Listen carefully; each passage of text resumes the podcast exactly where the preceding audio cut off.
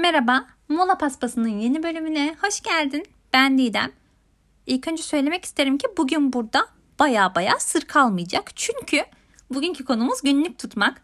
Ve ben bu bölüm için gittim. Arşiv gibi her şeyi sakladığım bazamın altında 7 yaşında tutmaya başladığım günlüğümü buldum. 7 yaşımdan sonra ergenliğin zirvesindeyken falan yazdığım şeyleri okuyacağız. Biraz utanıyorum bunlar için.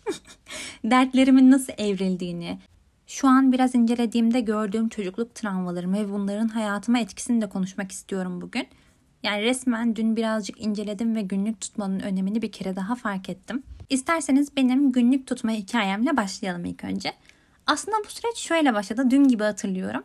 Ben birinci sınıftayken Ezgi diye bir öğretmenim vardı. Kendisini çok severdim. Bize sömestr ödevi vermişti günlük tutmayı. 15 gün boyunca yaptığımız her şeyi yazacaktık. O zaman benim için bir zorunluluktu. Hatta ilk günlüğümü yazarken yani daha doğrusu ilk gün yazarken ağladığımı çok net hatırlıyorum. Böyle ara ara hiçbir zaman düzenli yazmamışım. Hep böyle arada aylar, yıllar var. Oraya bir şeyler karalamışım 7 yaşımdan 13 yaşıma kadar. Daha sonra panik atakla tanıştıktan sonra günlük tutmanın önemi hakkında birazcık terapistimle sohbet ettik. Ve ben yazmaya tekrar başladım. Bazen kendimi kötü hissettiğim anlarda yazmak bana o kadar iyi geliyordu ki sanki bir sayfaya bütün hislerimi kusuyormuşum ve onlar orada kalıyormuş gibi hissediyordum. Ama tabii hal böyle olunca bir süre sonra günlüğüm ağlama duvarı oldu. Sürekli kötü şeyler yazdığımı, bazen o kasvete kapılıp gittiğimi fark ettim. Deneyimleye deneyimleye aslında bu süreç şekillendi. Şimdi istiyorum ki 7 yaşında başladığım bu süreci bir gözlemleyelim. Bazı günleri size okuyayım. 2 Şubat 2007 Merhaba günlük. Bugün sabah çok erken kalktım. Çünkü Nevşehir'e gelmek için yola çıktık. Burada babam yazmışım. Burada aslında annemin ikinci eşinden bahsediyorum. Teyzem annem ve beni havalimanına bıraktı. Bugün ilk defa uçağa bindim. Uçak inerken biraz midem bulandı ama yine de bulutların içinde olmak çok güzeldi.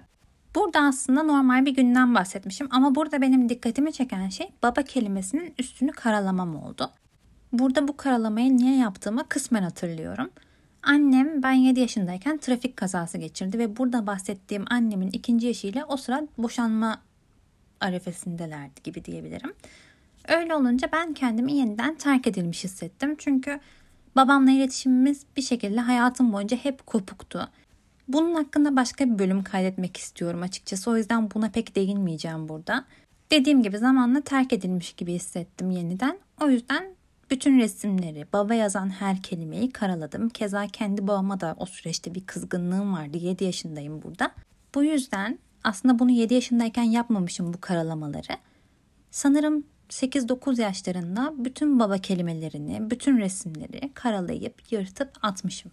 Bunun dışında burada yani 2 Şubat'ta sıradan bir günden bahsediyorum. Sömestr tatili için annemin memleketine yani Nevşehir'e gidiyoruz. Ve burada birkaç gün boyunca gezimizi anlatıyorum. Ama zamanla dün fark ettim ki buraya bir şeyler kanıtlamaya çalışıyorum. Mesela öğrendiğim şeyleri yazıyorum, şarkı sözleri yazıyorum.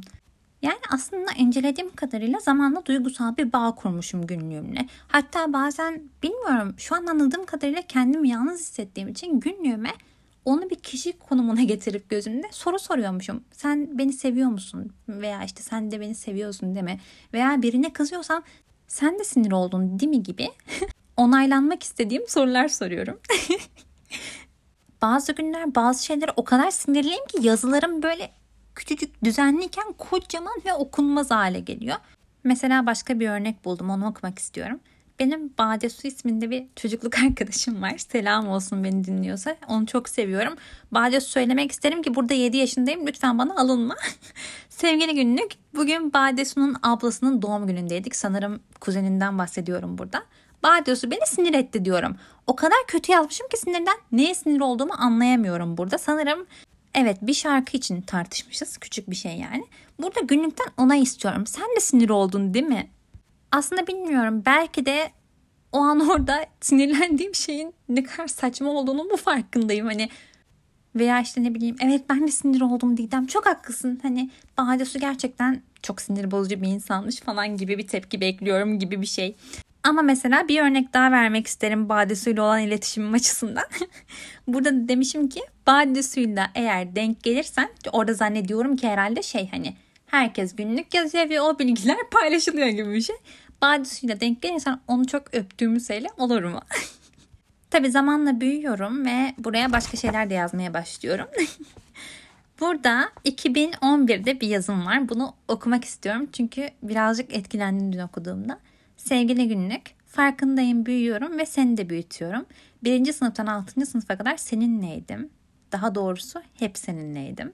Düzenli yazamasam da. Artık hayatımda çok fazla arkadaşım var çünkü ortaokulda pardon ilkokulda birazcık dışlanıyordum ben. Burada hayatımdaki değişikliklerden bahsediyorum. İşte artık çok fazla dostum var. Hayatımda bunlar bunlar değişti gibi. Veya başka bir gün hayatta çok fazla yanlış yaparız ama her zaman bizim için doğru zaman değildir yazmışım 2011'de. Böyle bir olumlama kafasına girmişim. Yani bu zamanlar aslında günlüğümü, günlüğümü anlatarak veya hayatımdaki değişikliklerden söz ederek ya da aslında çocukken bir onaylanma çabası için kullanıyormuşum.